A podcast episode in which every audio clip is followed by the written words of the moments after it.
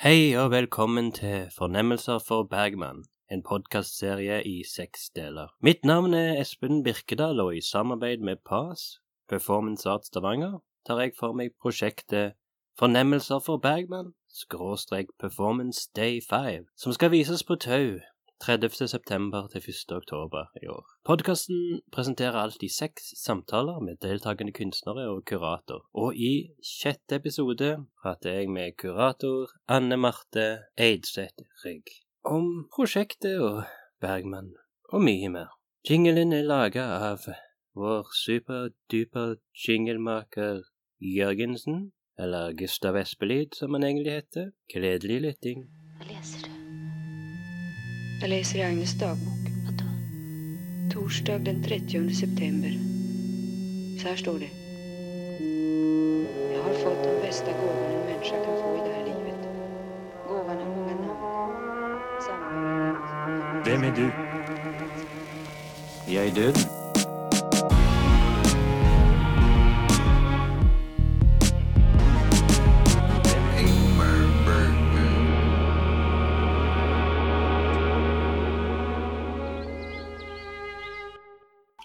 Disse kunstnerne så er det vel to, Anna Berntsen og Tor Erik Bø, som kjente, eller hadde sett en del Bergman-filmer.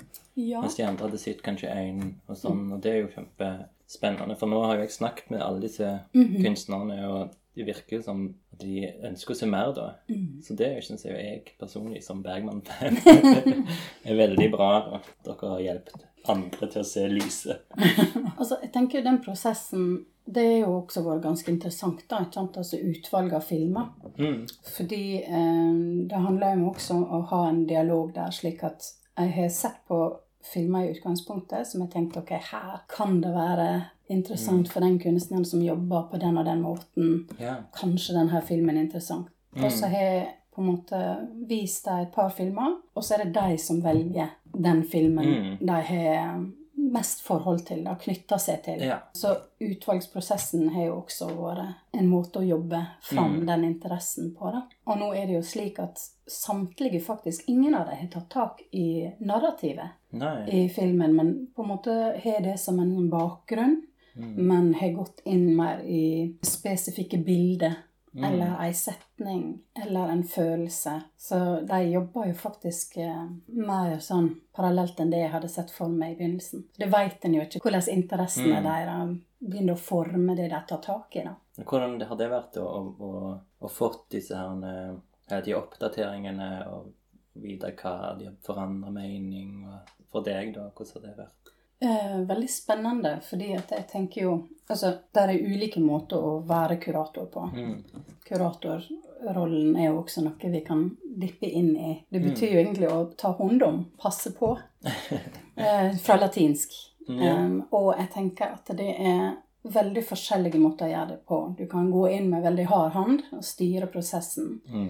Eller du kan gå inn med veldig lett hånd og på en måte bare fasilitere, veilede litt, se hvordan ting utvikler seg. Mm.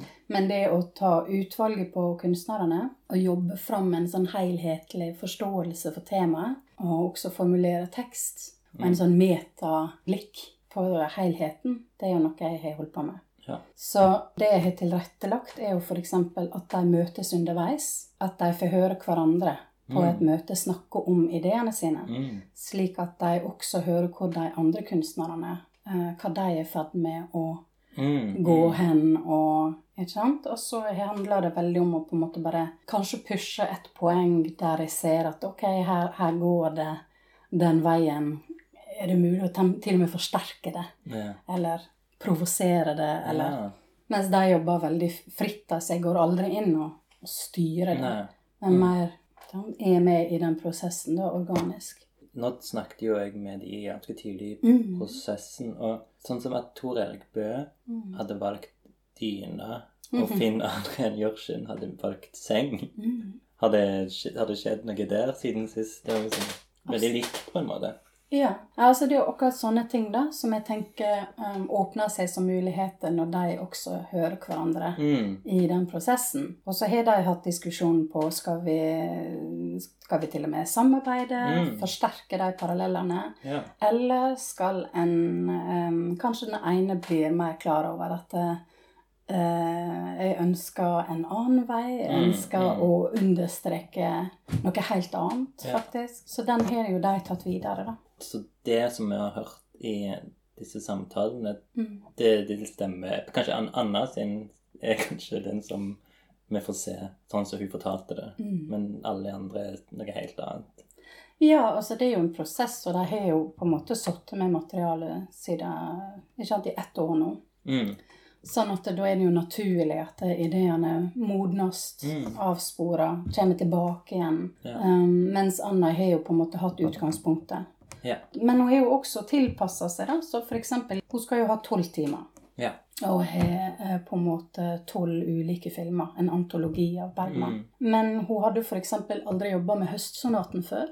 Nei. Og vi ønsker jo gjerne at alle filmene som de kunstnerne vi har invitert, skulle være representert Ah, ja. av Anna. Mm. Så da var hun med på å ta den inn, slik at den forsterka muligheten til Mm. at f.eks. mens hun holder på med Høstsonaten, så kanskje Veslemøy holder på med den også Ah.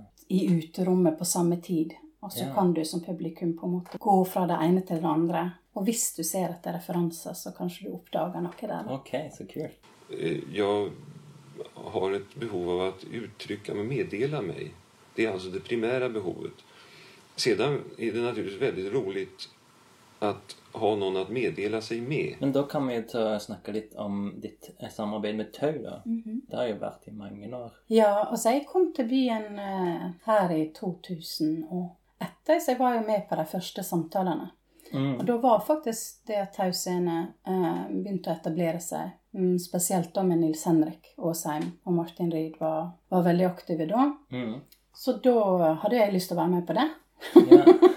Så jeg har egentlig vært med helt fra begynnelsen i diskusjonene på hva skulle plassen være. Skulle det være for musikere kun? Skulle det yeah. være for kunstnere også? Altså alle disse okay. samtalene som har forma ting seinere. Mm. Og i begynnelsen så var det jo litt sånn Wild West, og det var noe jeg likte. At det var veldig spontant. Og, og så begynte det jo også med at jeg drev en, en residens der for besøkende kunstnere. Noe som skulle egentlig være bare et pop-opp-prosjekt, og så varte det i ti år. Aha. Men det var jo også en veldig sånn fin måte å, å få inn kunstnere på, og, som så de mulighetene på en annen måte enn kanskje lokale kunstnere gjør, og sette dem i samtaler og sånt. Performance Days, det kom, Ja. det kom ganske tidlig. Jeg er jo utøvende performancekunstner, Mm. Så jeg så jo at det var en lite representert kunstform her i Stavanger. Mm. Hadde lyst til å jobbe for å styrke det. Ja. Så det var jo både den residensen, men så var det også da ønsket om å skape en sånn synlig visningsform da, for det. Og da var vi en gjeng som, som starta PAS, Ja. da Akt S. Aha. I sånn 2004? Ja, Mm. rundt den tiden. Ja. Så Performance Art Stavanger. Da, startet du med noen andre, da? Ja, Mm. det var med Susanne Christensen, Anne Mm. Klovning og Agnes Stefan. Okay. Og vi starta det, og så uh, kuraterte jeg sånne biennale, da. Ja. Så annethvert år. Så det var Performance av. Day, mener jeg. Som da er ja, vært fire tidligere. Da har vi jo også vært i kontakt med? Da var det jo både Baktruppen, Verdensteatret Great Ashery eh, Veldig flotte kunstnere som kom og, og gjorde ting. Og så, og så satte vi dem sammen med lokale kunstnere Ja. for å forsterke eksponeringen av begge, da. Akkurat. Så derfor er dette Performance Day 5 Ja. som kommer nå på Ja. Tau. Mm. For det første har jeg alltid um, beundret ham så veldig som instruktør, hvilket de fleste skuespillere vel har- har gjort og ønsket å få være med i en film. Men sen hadde jeg hørt så mye skrekkelig om at han var så demonisk og, og grusom. Jeg er veldig interessert i din interesse for Bergmans filmer, da. Mhm. For jeg tror jeg husker ganske tidlig at du la merke til at jeg Mhm. Jeg var opptatt av Bergman, og, Ja. og da begynte du å liksom snakke litt om det. Sånn. Så Kan du fortelle hvordan du startet din interesse? Ja, jeg tror det starta også veldig tidlig. Jeg, gikk jo på European Film Folk High School i eh, Danmark Aha. et år.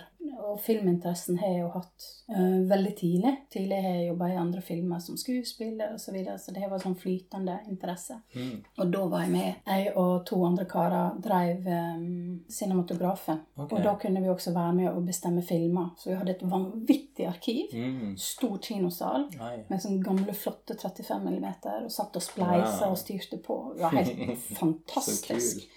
Og det var jo en tid der f.eks.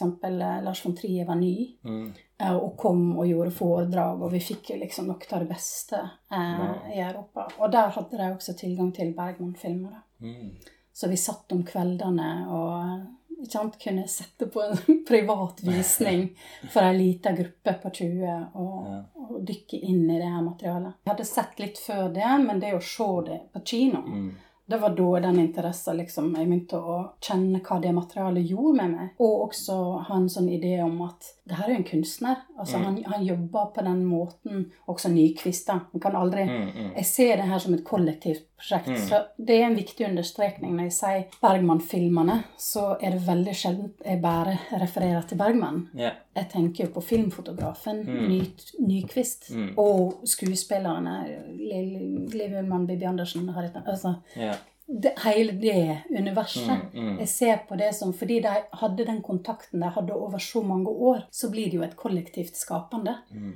Der eh, den ene fôrer den andre. Det, jeg ser ikke på det som bare et individ, som, sånn som det er blitt kanskje forestilt seinere. Men det at jeg også på en måte ser at ok, her er det veldig stor interesse for det Bergman refererer til som kjensloformedling. Der narrativet kanskje står nesten som en parentes, men det er selve måten å formidle en følelse på. Hvordan lyset blir brukt. Du har et stillbilde av Liv Ullmann der hun bare holder blikkontakt, og så ser du en sånn vag forandring i lys bak. Og plutselig så, så skjer det da en, en, et vendepunkt i følelsene. Uten at det har blitt sagt et ord, uten at det har vært et narrativ som pusher det og driver det. Mm. Men altså den måten å kommunisere på, da, som, som jeg bare syns er helt fantastisk. Jeg er heller ikke en sånn type eh, Bergman-fan som klarer å se hele filmene. Av og til jeg må bare stoppe det og tenke ok, det ble for masse. Det, og det er også fordi at jeg tror materialet fortsatt evner å provosere. Mm. I den tida så var det jo revolusjonerende. Det er jo Mm. en av de tingene som gjør at han blir referert til fortsatt. Men altså måten øh, Intimiteten, sexen altså, Det var ting som da var veldig nytt Mm. og, og provoserende. Som fortsatt faktisk er med på å liksom, Ja. dytte grenser da, for hva Mm. en syns er etisk ok. Mm. Men også at eh, så mange eh, regler innen film ble brutt og eksperimentert med, syns jeg fremdeles holder kvalitet. Absolutt. Og så er det kanskje nettopp spennende å referere, til det nå. Mm. Sant? For nå begynner det her materialet å miste sin referanse, spesielt med den yngre gadde. sant? Som sånn Bergman, hvem er det? Mm. Og det er da jeg syns det er interessant å hente det opp igjen og reaktualisere det i en annen form. Når på en måte kunstnerisk materiale som fortsatt er spennende, begynner å miste sin referanseverdi da, for en yngre generasjon, kanskje. Det, det er klart man har en arbeidsteori. när man gör någonting. Men sedan vore det oerhört dumt att trycka den arbetsteorin på andra människors uppfattning. Därför att var och en människa ska uppleva detta så som den kjenner det. Ja, men din interesse for Bergman, da? Hvor kommer den fra? Hvor er den eh, Um, Hva er det som har gjort at den har kommet igjen flere ganger også? Er det Det er jo noe jeg har lurt på sjøl, egentlig. For det var jo på en måte kanskje litt sånn som deg med at eh, jeg skulle lære meg opp i sånn filmklassikere. Jeg skulle se liksom de beste regissørene, jeg skulle se liksom alle de beste filmene som ble lagd i historien. Bare tilegne en sommer til det. Og så var det egentlig Bergman-filmen som på en måte stakk seg ut, da. Og da trodde jeg det var kanskje det var det svenske språket som gjorde at det ble liksom nærme. At jeg følte liksom det. Men eller om det var det psykologiske, eller om det var liksom den her liksom, Som på en måte allerede da var litt sånn litt komisk med de- den der gudsfrykten og sånn, som på en måte Det er så fraværende i dag, på en Ja. måte, sånn, sånn, sånn tankegang. Men allikevel, på en måte, for meg var det jo originalt òg, for jeg hadde ikke sett noe lignende. Men jeg tror, jeg tror nok et, etter å ha sett igjen og igjen, igjen, så blir det jo bildene. Det er bildene. Og jeg har jo også gått veldig mye inn i karakter, eller Bergman som karakter, da, som performance. -hmm. Han kunne jo bare vært alle, alle intervjuene alle Bergman har hatt, alt han har sagt, bøkene han har skrevet, det er Jeg syns jo det er veldig underholdende, og det, og det er liksom Man gjør jo seg sjøl litt mytisk og litt sånn sånne ting, men på en måte så syns jeg det er veldig vanskelig å, å prøve å finne jeg, har, jeg tror ikke jeg har funnet ut hvorfor, men det kommer igjen og igjen, og det gir meg noe. Altså lese, se Det å liksom blitt invitert på dette, og liksom endelig fått gjort et prosjekt med der min Bergman-interesse, det har jo også gjort at jeg har likt det enda bedre. Jeg vet faktisk ikke hvorfor. Jeg klarer ikke Jeg klarer ikke å forklare det. Det har bare tatt meg, liksom. Fra når jeg var jeg var vel 22 eller noe sånt. Og har brukt liksom Bergman som noe jeg har hatt i mine andre podkast. Altså, ja, Erland Lunken Kaffe. Og liksom prøvd å lage tegneserier om Bergman og det greien. Altså liksom ja, nei, det, jeg, klarer, jeg, klarer ikke, jeg klarer ikke å forklare det. Jeg syns jo du gjør det. Altså, du det identifiserer jo liksom tiltrekningen. Mm. Og nettopp det at når materialet har vært hos deg så lenge, så utvider jo du referansene dine, både for deg sjøl, men også med andre, når du deler det. Mm. Mm. Um, og så er jo det der med signaturen, altså den er tilgjengelig som noe du Det er noe som er konstant nå. Fordi filmene er jo skapt. Ja, ja, ja. Mens i ditt liv kan du gå tilbake til det i alle mulige stadier Mm. og se det med et helt annet perspektiv. Som et ungt menneske. Som, Ja. ikke sant? Mm. som pappa så ser du det kanskje annerledes som sant? når en blir eldre. Det er, det er noe som er tilgjengelig for en som Ja. en konstans også. Og siden òg han har såpass mye, mm. han skapte såpass mye Nettopp. Det er jo ennå filmer jeg ikke har sett. Jeg tror jeg har sett 60 av filmene, og det fin at det fins mer. Ja. Det er ting som ikke har blitt utgitt, som man har skrevet. Altså, det er Ja. liksom som Det er et uendelig univers, plutselig. Så det å kanskje gjøre at det liksom må hente nye ting. Det er noe nytt. Plutselig så Linn Linn Ullmann, som er liksom oh, elsker Det er liksom det beste han har skapt, kanskje. Ja.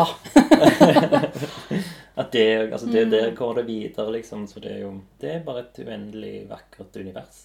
Helt eh, enig. Man kan aldri forstå en film. En sån här film. Det är inte frågan ens om att förstå.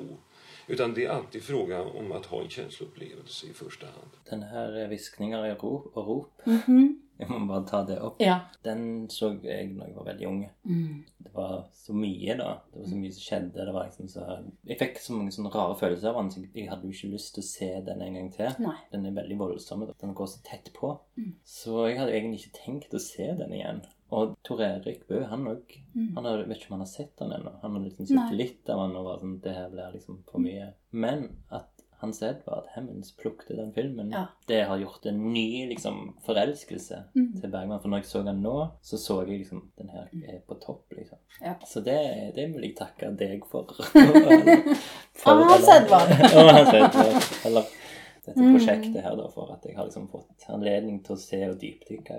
Ja, men Så kjekt å høre. Og jeg tenker jo nettopp det også, at det er å finne de overraskelsene, da, når en Mm. ser på nytt. Ja. Men når vi hadde samtale i begynnelsen om hvordan se det, så var det jo nettopp det. Friheten til å ikke måtte se hele filmen Ja. engang. Må ikke forholde seg til synopsis, eh, Nei. forstå hele narrativet. Trekke ut det som, som virkelig enten provoserer eller gleder eller Mm. fanger en. Og det ser jeg jo at Hans Edvard har fortsatt å jobbe med. Mm. Så han går inn i den uh, følelsesformidlingen, ikke sant? mer enn det som, som skjer i filmen. ja. Eller i én scene, og henter ut blant annet den ikoniske scenen eh, der um, Liv Ullmann sitt ansikt blir Mm. analysert. Ja, ja, Ikke ja. sant? Mm, doktor, av doktoren. Ja. Mm. Observasjon, detaljobservasjonene på en rynke i Mm. ansiktet, disse tingene der. Så jeg tenker en kan se en film på så veldig mange måter.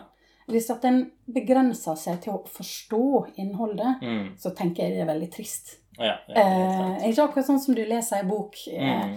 Jeg leser sjelden fra A til Å. Jeg leser den liksom i forhold til interesse, Ja. og tillater meg å være, hoppe over flere kapittel Mm. hvis jeg vil. Okay, Ja. Um, eksperimentere med selve måten å lese ting på, Mm. eller se ting på. da, tenker jeg er kjempeviktig. Ja. spesielt med Bergman, fordi jeg kjenner igjen den motstanden. Og hvis en på en måte presser seg til å se scener som provoserer en for mye, Mm. eller så tenker jeg jo at eh, da har en på en måte opprettet en ganske dårlig dialog med mulighetene. Mm. Og hvis en ser dem på den måten at en har en kontakt med hvordan en sjøl opplever det, og tillater seg sjøl å anpasse det, så kan en finne veldig flotte skatter. Akkurat som et sånt enkeltbilde Ja. som du bare aldri Mm. har lagt merke til. Ja.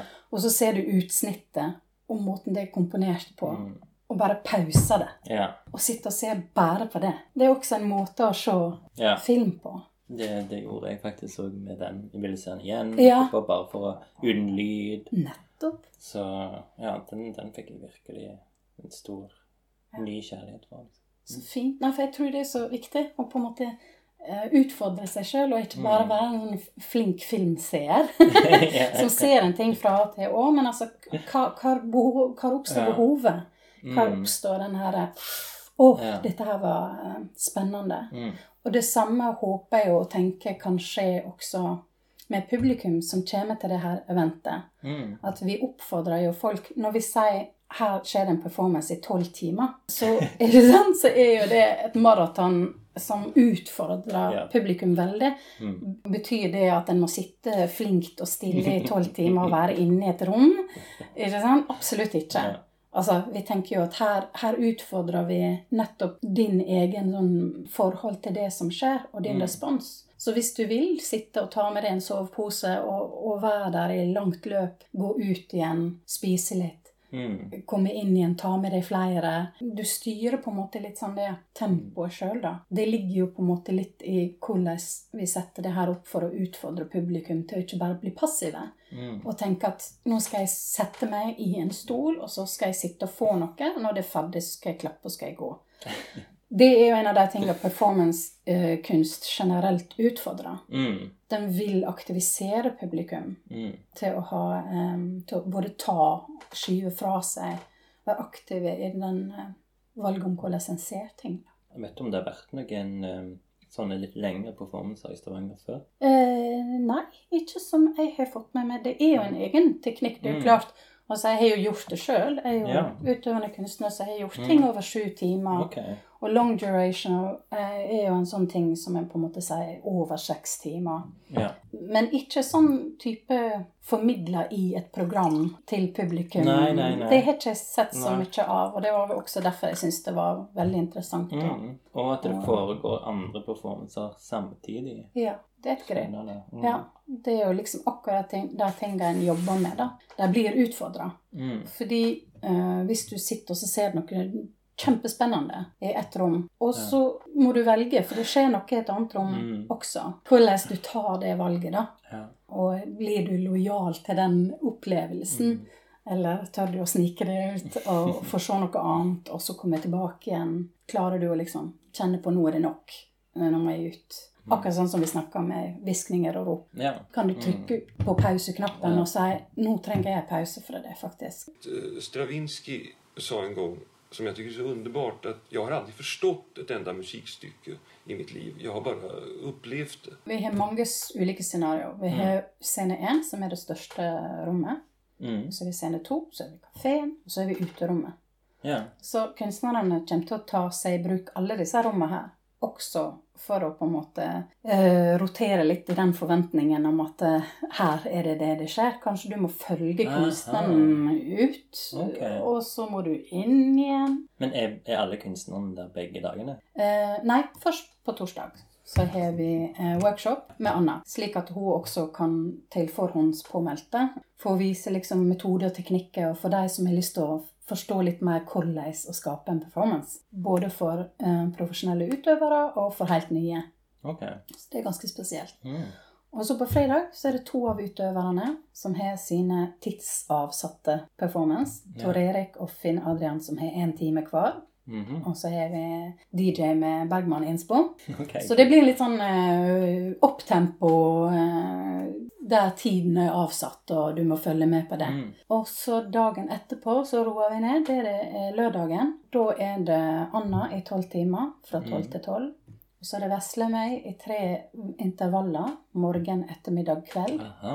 Og så har du Hans i, i scene to i tre timer. Så da må du jo ta valg, for du får ikke med deg alt på Nei, nei, en nei. gang. Og samtidig så strekker vi jo da tida. Så det er også for å skape mm, veldig ulike temperaturer i opplevelsen generelt. Hvordan du setter ting sammen. Ja. Som å lage en settliste. En spilleliste.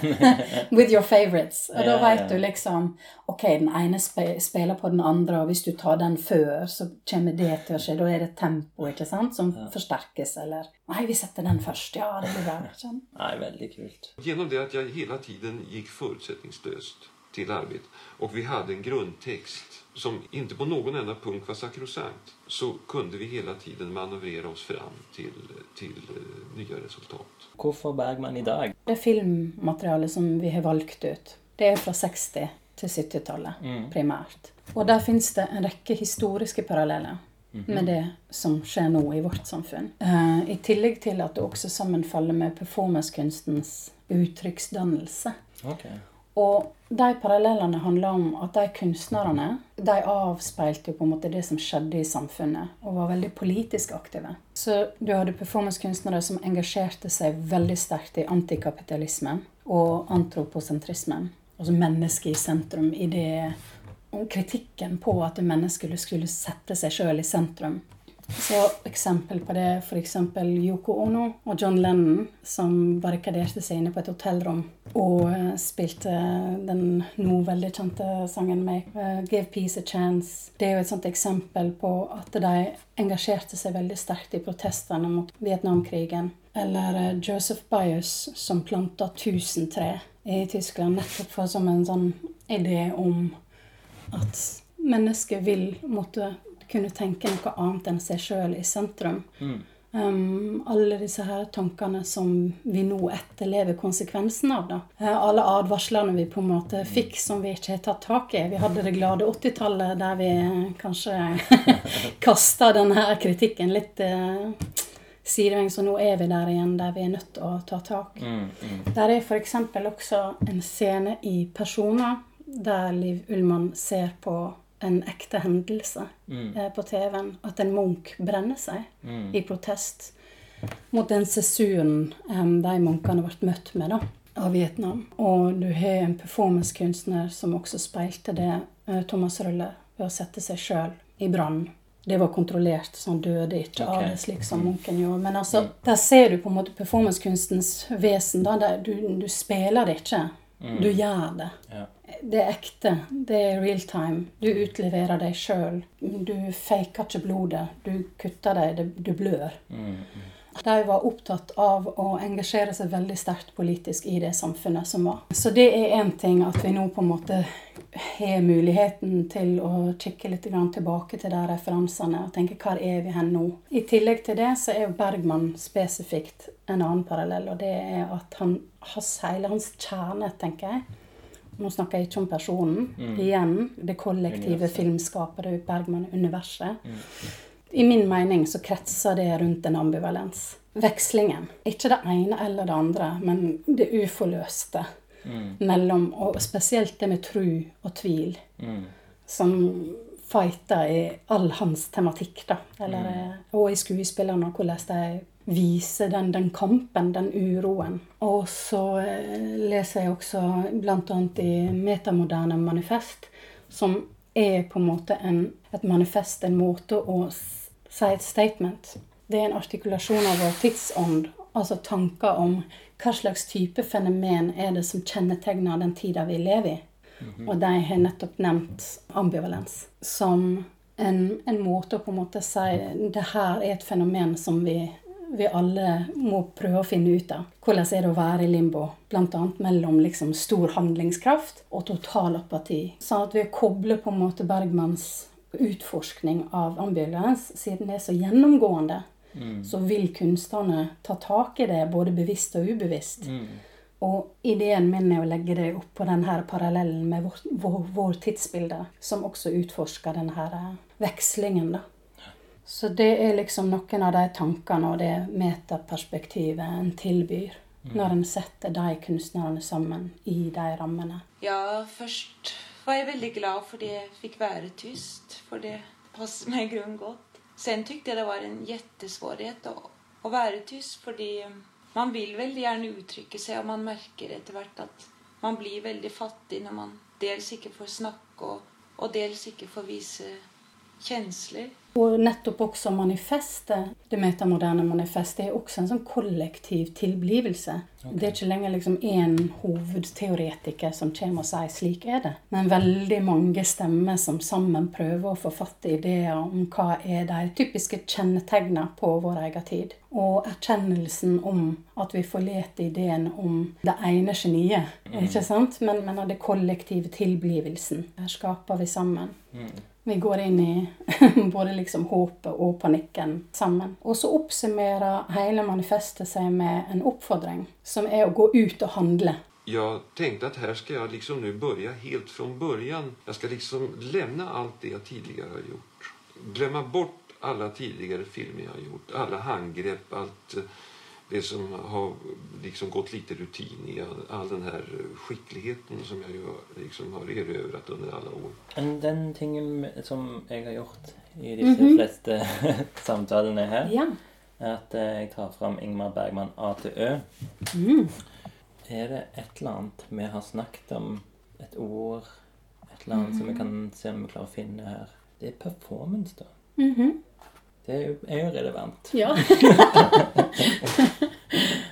Men her er det sikkert en annen definisjon. Jo, men det er jo kjempespennende. Mm. The act of representing a character. One reason Bergman's cinematic work has such great staying power is because of his actors. To list the most memorable of their performances, Max von Sydow's Knight Antonius Block in The Seventh Seal, Victor Sjöströms age professor Isaac Borg in Wild Strawberries, Liv Ullmann's silent actress Elisabeth Vogler and Bibi Andersens nurse in Persona, uh, Gunnar Bjørnstrands Weary Priest in Winterlight, and Gunnel Lindblom and Ingrid Tullins Strange Sisters in the Silence. Men ok, så det handler jo om skuespillerne, da. ja. Så hvor viktige de er for Mm. hans filmer. Absolutt. Og samtidig så er jo liksom Å være skuespiller og performancekunstner Mm. veldig ofte teknikker som går litt imot hverandre. da. Mm. Der skuespilleren kanskje gjerne gjør ting igjen og igjen. Mm. Og jobber veldig med den bevisstheten om at en, at en gjør det, og at en forestiller noe. Ja. Eh, mens performancekunstneren, hvis jeg setter opp en motsetning, da, for det er jo ikke alltid det, eh, jobber veldig mye med det som skjer akkurat her og nå. Med viten om at når det er over, så er det done. Og med de orda så avslutter vi nå denne podkastserien Fornemmelser for Bergman. life.